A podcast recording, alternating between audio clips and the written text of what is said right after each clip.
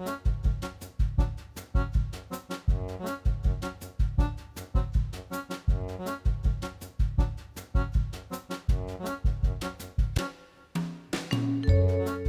og sæl og velkomin í mannlega þáttin. Í dag er mánudagur og það er 27. februar. Hugsa sér, bara februar að vera búinn. Já. Í dag verður flutt álitið óvenjulegt erindi í fræðakaffi á borgarbókasatninu í spönginni en yfirskrift þess er Ímynd tengdamæðra. Og það er þjóðfræðingurinn Eirikur Valdimarsson sem ætlar að flytja þetta erindi og í tilkynningu frá honum segir að einhverjum ástæðum eru til ógrinni af bröndurum og skopmyndum þar sem tengdamæðir eru gertan hafðar að háði og spotti. Þetta skemmti efni byggir á ímynd sem margir hafa heyrt og séð að tengdamæður séu uppáþrengjandi, yfirgangs og afskiptasamar og sum sé, já, bísna erfiðar manneskjur. Meira en um þetta hér á eftir en Eirikur er bara nýkomin í hús til okkar, keiði frá Hólmavík í morgun þannig að við byrjum eflust á því að spyrja hann aðeins út í færðina. Já, við fáum vingil frá Guðjani Helga Ólasinni í dag og í þetta sinn ætlar hann að leggja vingilin við hinnar ímsu ástæður þess að maður gengur til liðs við alls konar félagssamtök. Hann segir frá samkomu í einum af þeim fjölmörgu félögum sem hann er í, hið Íslenska fyrritíðarfélag.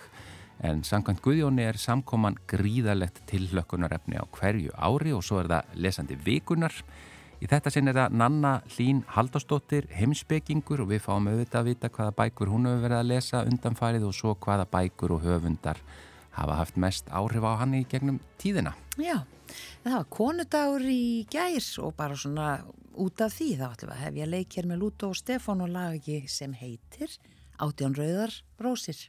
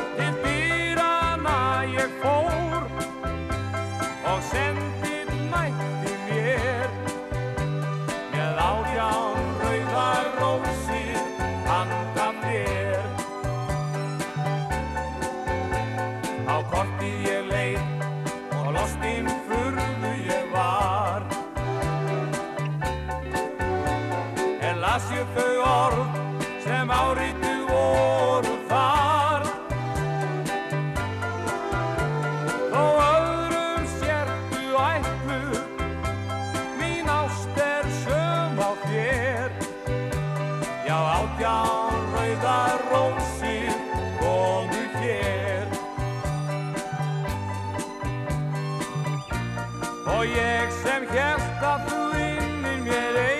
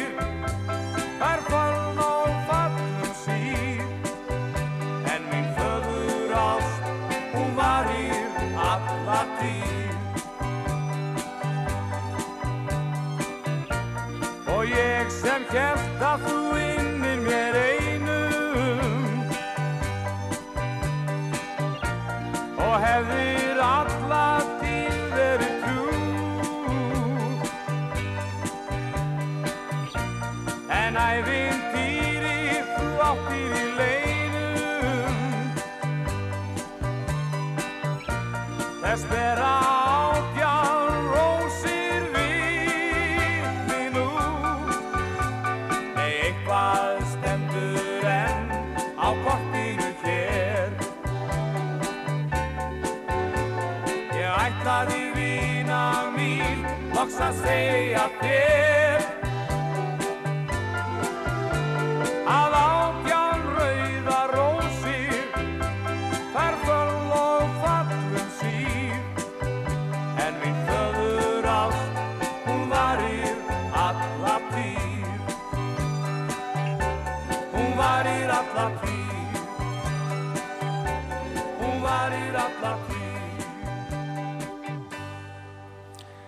Átján Rauðar Rósir, þetta voru Lúto og Stefán og Berti Möller, lægið er eftir Bobby, Darrin og Eðun Steinsdóttir eh, samtið textan. Já, ég hugsa ofta þegar ég heyri þetta laga að sko píónulíkarinn bara sko hlauta vera mjög þreyttur eftir. alveg út allt einmitt. En hérna, e, við sögum ykkur að við ætlum að tala um tengdamæður, það er að segja ímynd tengdamæðra og hann er sestur hérna hjá okkur, Eirikur Valdimarsson, þjóðfræðingur, velkomin. Takk hjálpa. Og þú ert bara að koma beint frá Hólmavík, keirðir í gegnum skabla og snjó, Jú, jú. þröskulda og bröttubrekku. Bröttubrekku, hér er ég Já. á réttum tíma, þetta er ótrúlegt. Það er ótrúlegt, hvernig hérna var færðin? Hún var bara svona allavega. Það voru auðir blettir inn á milli, skulum við segja, en það var nú svona svolítið snjó líka. En skigni allt í Já, því við heyrðum af því í gær hefði verið bara blind. Já, það var alveg, alveg, það er svo hlýtt, sko. Það Já, var engin, hérna, bara rúðuturkotni mína sem eru að klikka. Það er En, að en launhálka. launhálka. Já. Akkurat, og mikil hálka á þröskuldum Já, alveg, bjóra býstna mikil. Mér leist ekki alveg á það. En, en lúsaðist bara yfir og, og, og það hafðist allt saman. Já. Maður þarf að fara, maður þarf að fara varlega, þegar ekki. Jú. Það myndir nú tengdamóður mann segja, þegar ekki. Jú, Jú, góð, góð tenging. Já, svo var Gunnar að tala um hérna akkurat meðan lagi var í loftinu, þá rifjast upp fyrir honum var ekki síning eða Jó, bíómynd. leikrit sem var afskaplega vinsælt að því við erum að tala, fara að tala um ímynd tengdamæðra, eh, þá var uh, leikriti gaman leikriti tangkvöss tengdamamma sem mjög margir þekkja þetta ábyggilega og hefur verið sett upp oftar en einu sinni og oftar en tvísar hér á landi. Já, þetta er náttúrulega mjög heillandi titill. Já, eða hvað?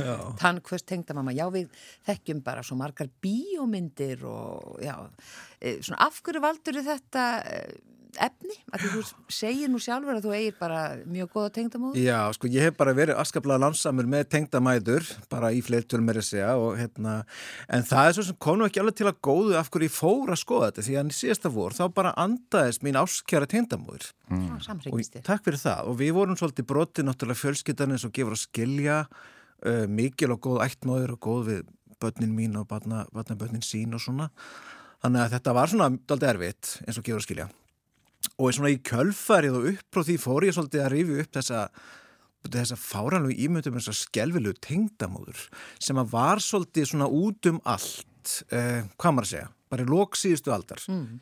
það maður gæti alltaf opnað vikuna eða Samuel eða bara Devaf eða Morgan eða hvað það nú hétt Og kvikmyndir og, og kvikmyndi bara í svona í dægurmenningu. Já, mjög víða það sem tengdamóðurinn stereotypiska tengdamóður er bara djöfurleg uppáþrengjandi, afskipta sem þið þekki þetta.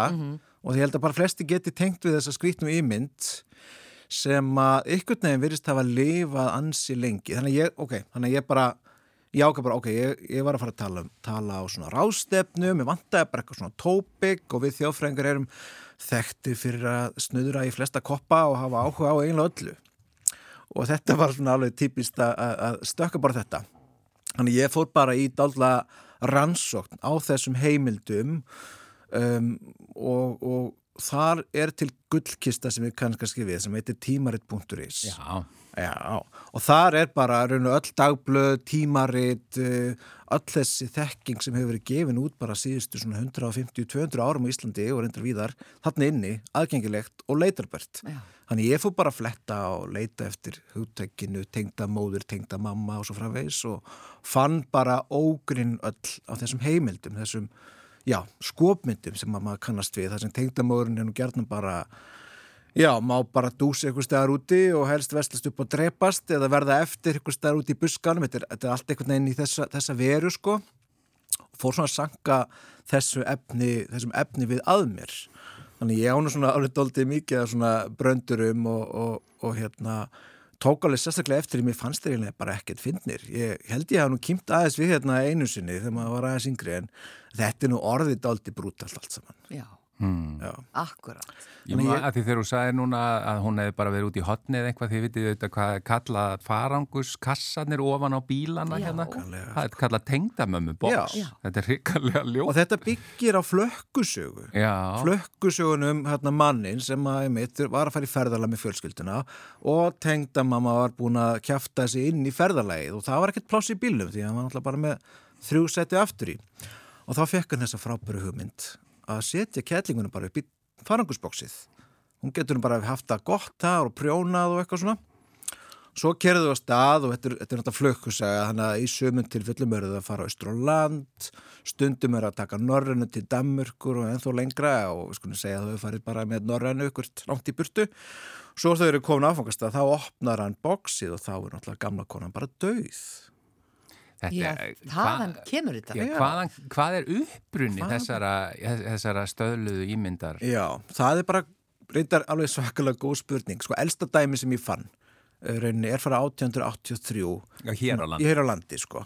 Og það er greiðlega þýðing frá bandaríkjunum. Það er ykkur maður á, sind, í New York sem að ákveður að bróta odd af oflætti sinni og hætta að fara á pöppin á kvöldin og vera heima með fjölskyldunni. Og það er náttúrulega tengdamamman meðal annars og þau fara öll að suða í honum og tuði eitthvað og segja honum að laga hitt og þetta og það er meðal tengdamamman. Og þegar hún fer að opna kjæftin, þá hættir hann bara við og fer aftur á pöppin og er bara þar. Og þetta er svona brandari. En þetta kemur frá Ameríku. Já, sko, meðal annars. Já. Þetta er alltaf að kemur hinga til aðeins ellendis frá. Það er alveg klart mál, sko. Og þetta er, það eru dæmi bara gegnum gangandi alla öldina af svona þessum, þessum bröndurum og þessu gríni bara.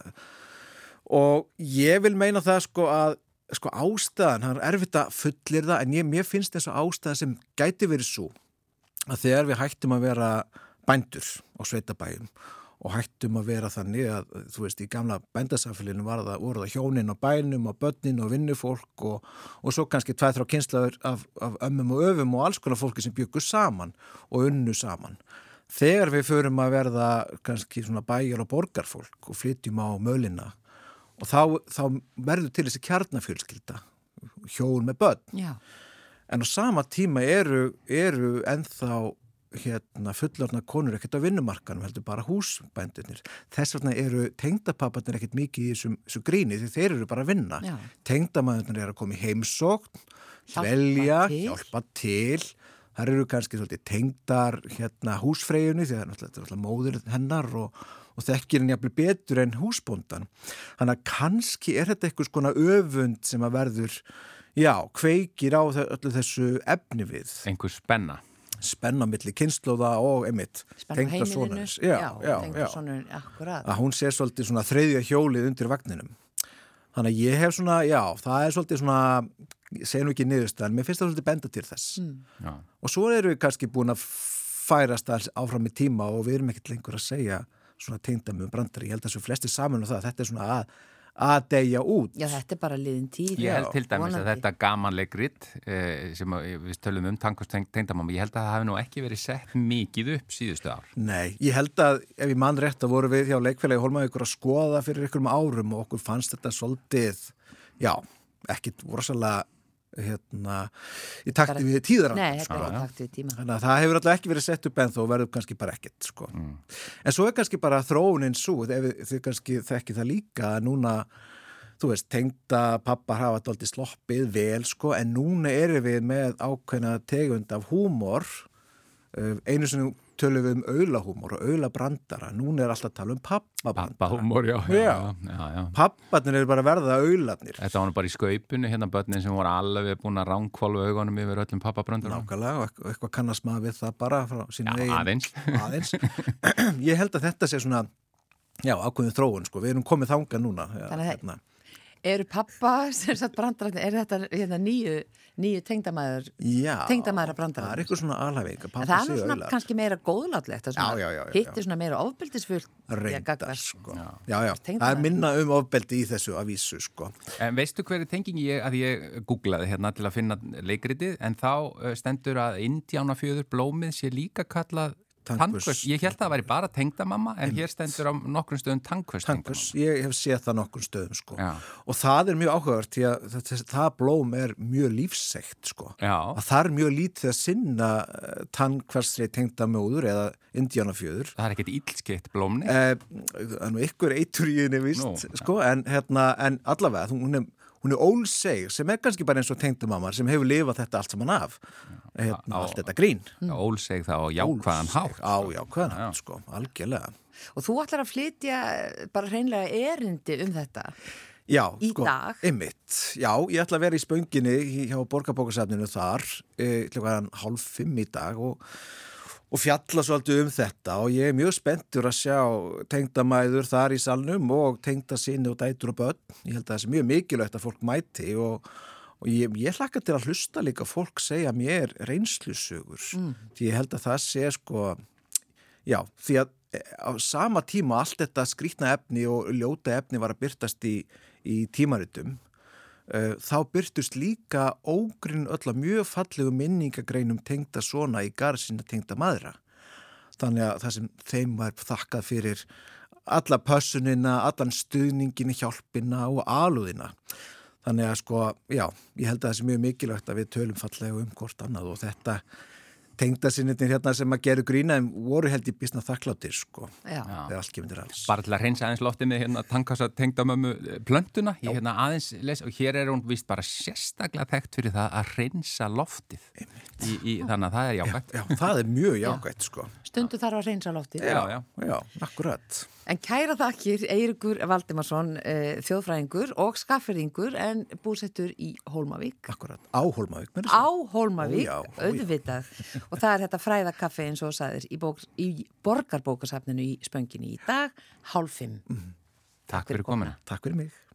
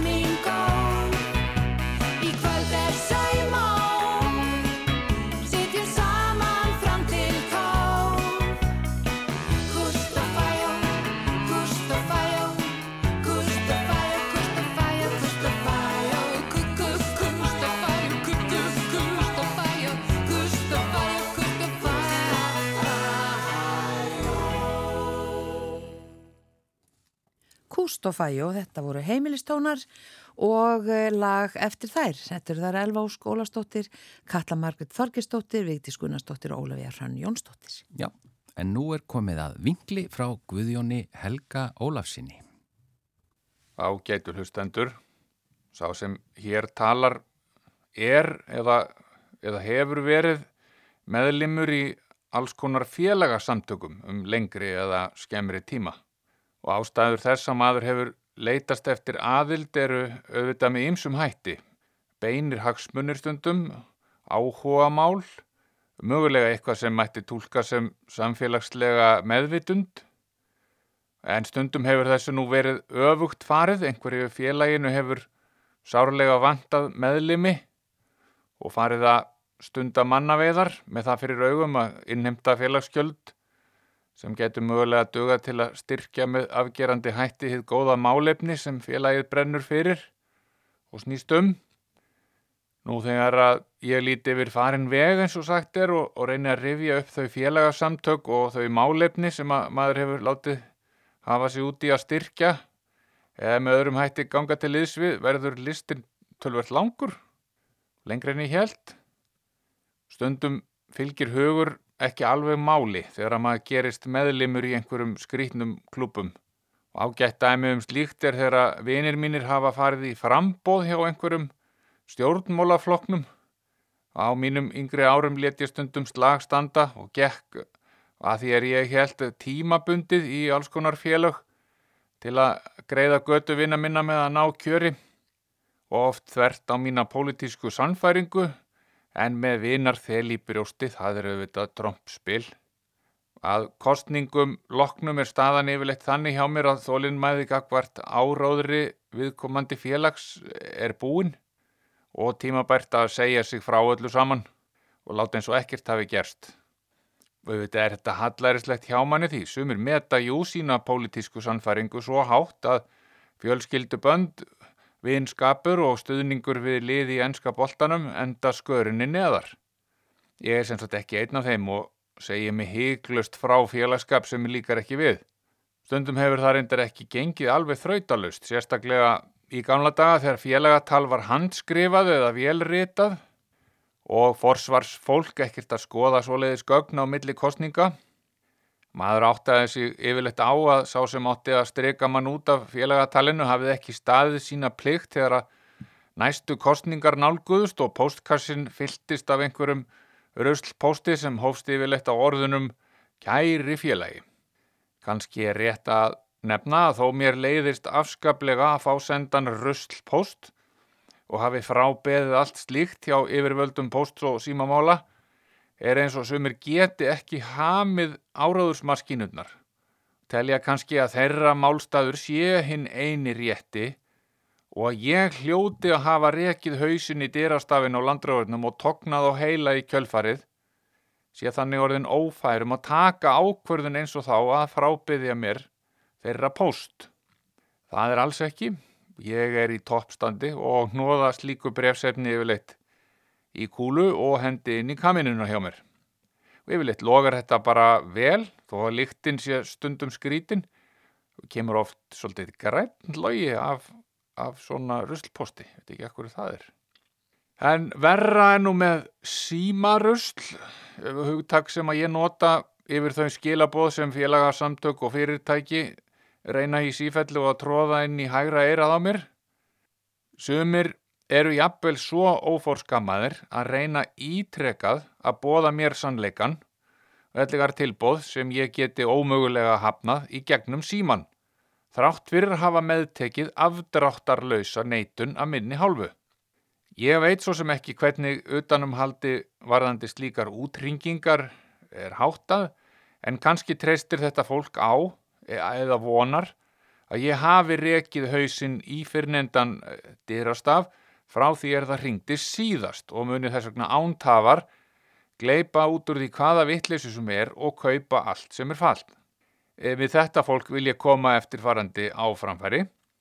Ef þið sjáuð símanúmerið 486 3483 á skrám ykkar yfir möguleg fórnar lömp er best fyrir ykkur að stróka það út. Ég kaupi aldrei neitt af símasölu fólki og er þar að ekki með aðteglisbrest þannig að ég fer undir eins að tala um eitthvað annað en þið viljið tala um.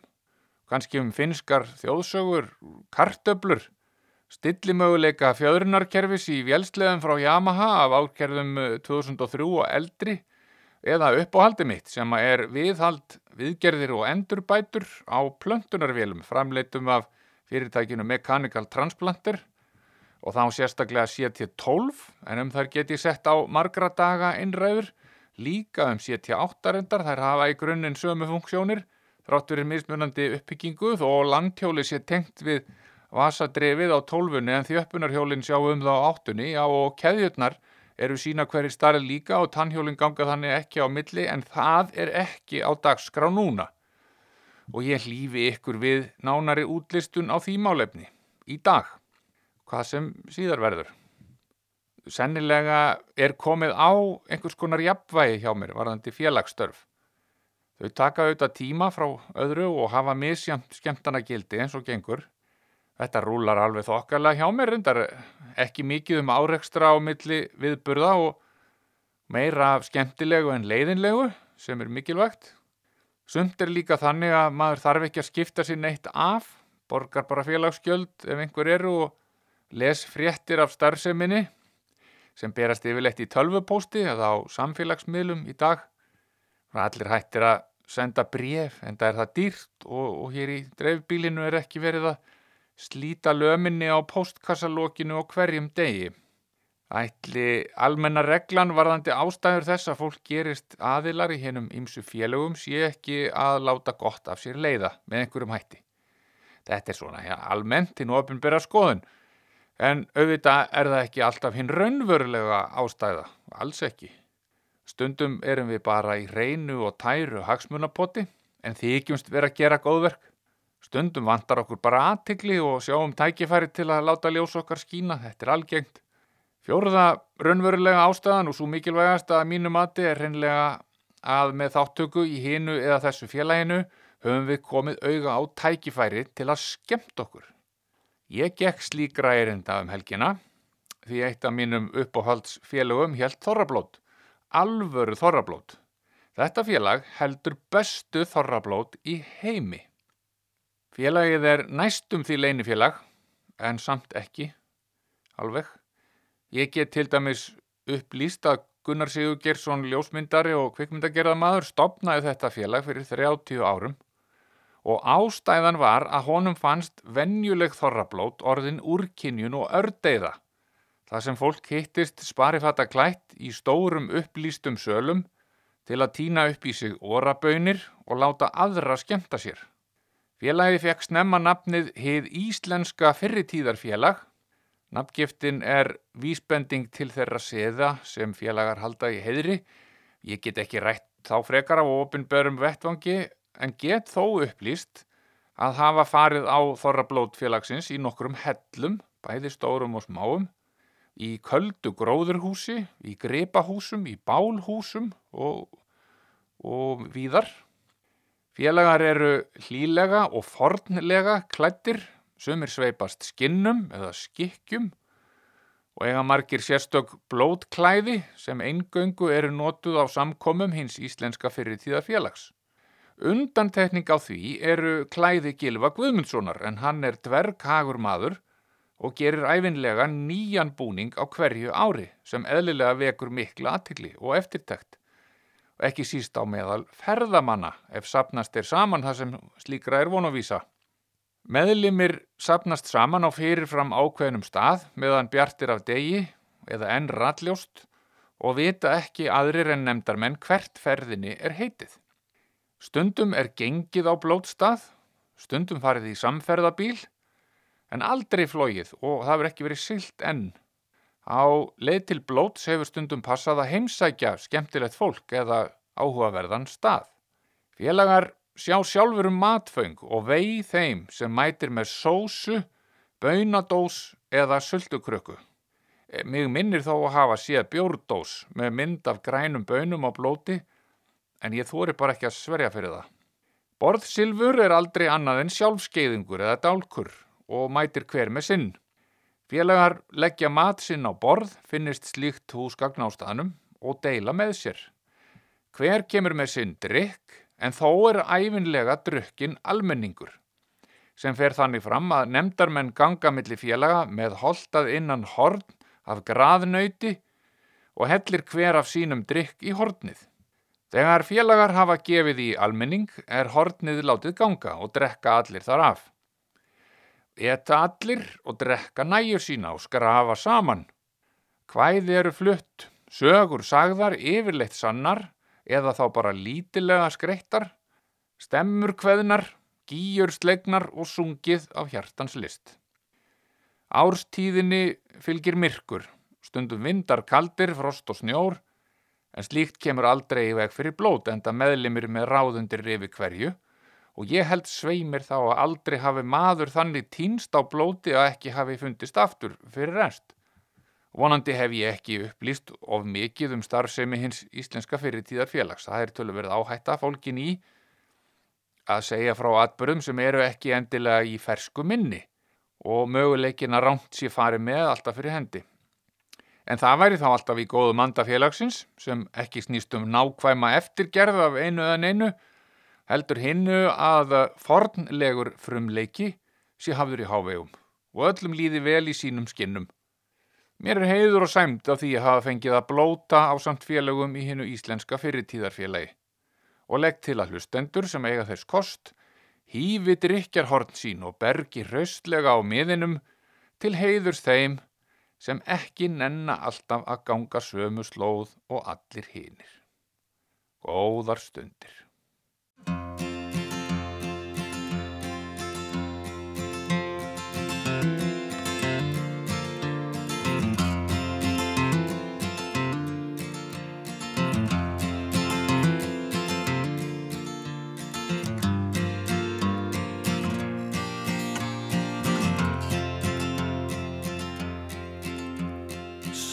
Sumarið leið eins og söngur um nótt.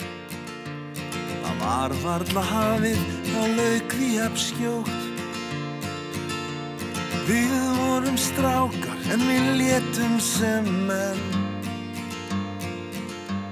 Sýndumst svo stórir og gerum það enn.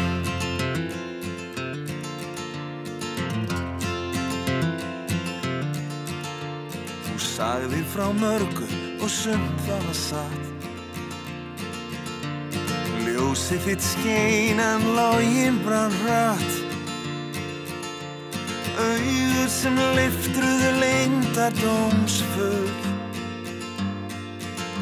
Því þú þekktir bæði ösku og gull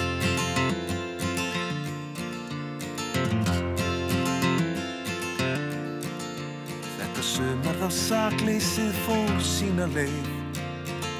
Af forbónum ávöxtum tókst vænast neyð. Þrá þín var ákuf og óþólinn móð. Forðaðist veginn en tróðst þína slóð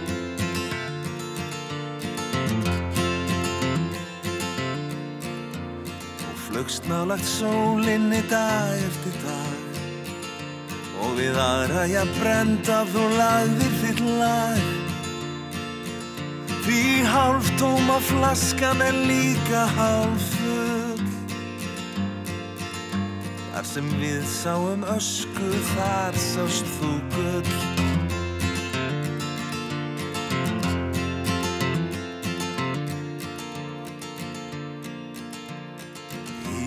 stormsins þú fannst þína sátt.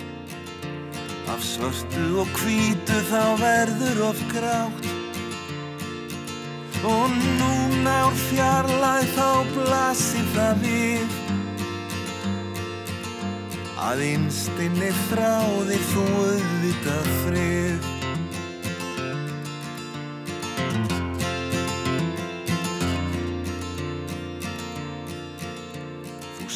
skaraðir fram úr og sigraðir flest. En jafnvel skærasta ljós að deyr fyrir rest. Því lífið að færi þér alls konar sull Handfyll af ösku og örlítið guð Já, lífið að færi þér alls konar sull Handfyll af ösku og örlítið gull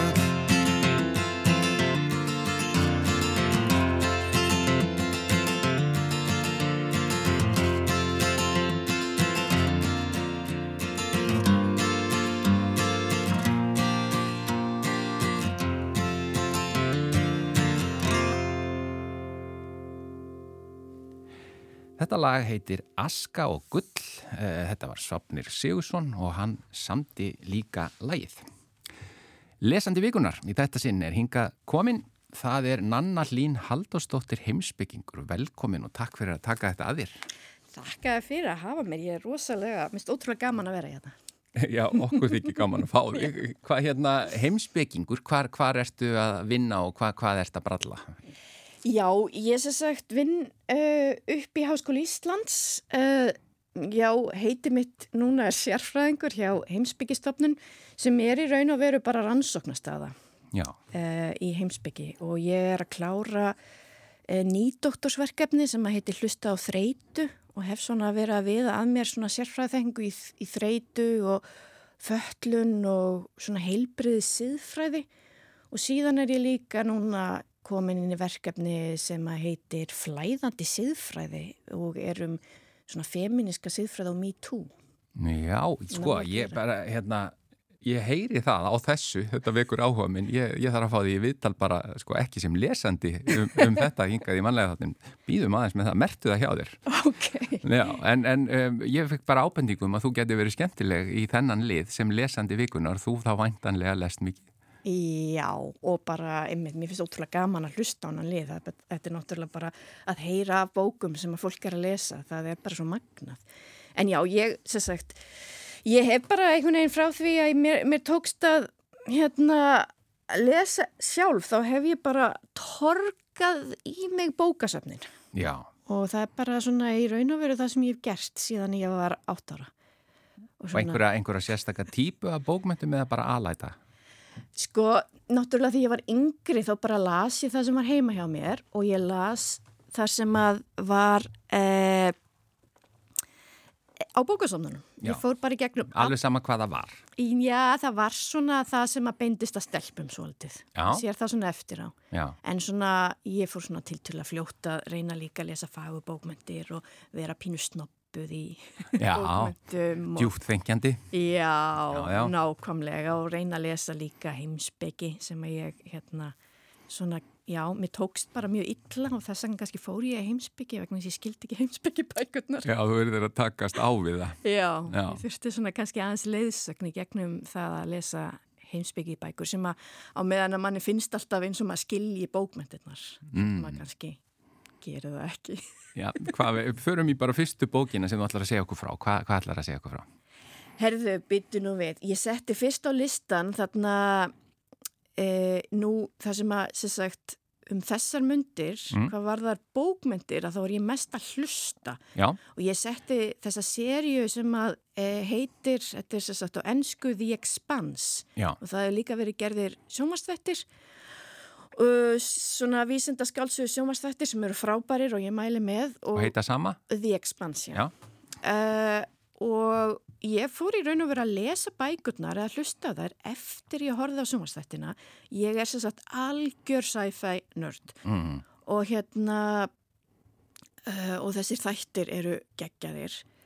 Og svo hefur það, svo bara fylgdi það mér held ég síðasta ár eða ég man ekki hvernig ég kláraði þetta út af því að þetta eru held ég, nú man ég ekki eins og hvað þetta er marga bækur, ég held að séu tíu alls bækurnar, þar heita alls konar nöfnum sem ég man ekki.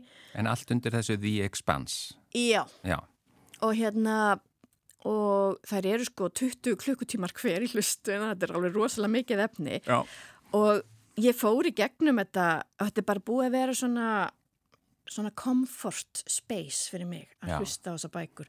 Og ég man ein saga sem langar að segja frá er að þegar ég egnaðist strákin minn fyrir þremur árum að þá var ég um þetta að lesa hlust og hlust fyrstu bókina og ég á bara þessa minninga því að vera að býð eftir vera komin upp á landsbytala í miðju COVID þar sem að maðurinn minn mátti ekki vera með mér og ég, einhvern veginn fæðingin ekki by- byrjuð almennilega og ég rosa verkuð að gæti ekki sofið og það sem ég gerði var að hlusta á bókina miðjanótt.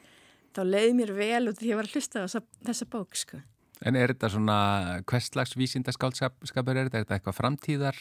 Já, þetta er svona, sko, það sem er merkilegt við þetta er að þetta er bæði svona, það, þetta er, er þrjú, fjögundur ár uh, í framtíðinni Já, og við erum að tala um uh, að mannkynnið er komið uh, á Mars og það er komið á þarna beltið, nú bara get ég ekki alveg vísindin á íslensku og bakvið þetta en þau, það er allavega komin svona eins og þrjár þjóðir já, á Og- mismunandi plánetur. Já, svona á beltinu, á asteroidbeltinu sem að ég man ekki alveg hvað er í. Óriónbelti? Nei, ég veit ekki. Hvað segir Er það, heitir það nokkuð Óriónbelti? Nei, ég, Ég bara koma upp í kollin á mér. Ég hefði eiginlega Allan á einhverju belti. Já, og þeir eru mitt kallar ennsku The Belters og það er svona hérna verkalýðurinn Mm. og í raun og veru er rosalega svona, þetta er svona politist drama, það er svona átök og þetta er ekki svona eins og Star Trek sem er alltaf svo fallegt og allt gengur upp heldur er bara hlutunir ekki að ganga upp Já. og svo, og, og allt er í raun og veru, þetta er rosalega vel hérna rannsaka með hvaða möguleika í framtíðinni hvernig við munum eins og með þingdarablið, hvað mun gerast Já, til dæmis á Mars og... Akkurat. Já, já. en svo kemur svona ein óvænt eh, hérna breyta Já, sem er hérna svona alien eh, já, sem kemur Einhver einhvern veginn og breytir öllu ekki manneskja. Nei, eh, það er erfitt að segja Já, já, þú þarft ekki að segja Já, frá þetta er svolítið miklu. flókið allt saman hefur komin ekki um vísindin En næsta bók sem þú uh, sendið mér allan að það var það fulltrúi fagur bókmenta á listanum. Eh, Já. The Book of Goose. Já, akkurat Ég, hérna þessi bók kom út held ég bara 2022 Mhm. og hún er eftir sko kynversk bandarískan höfund sem að ég man ekki, nú, nú man ég ekki nafna á henni Jejún Lee. Já, akkurat og ég hlustaði líka á þessa bók. Já, og hún hafði ótrúlega mikil áhrif á mig.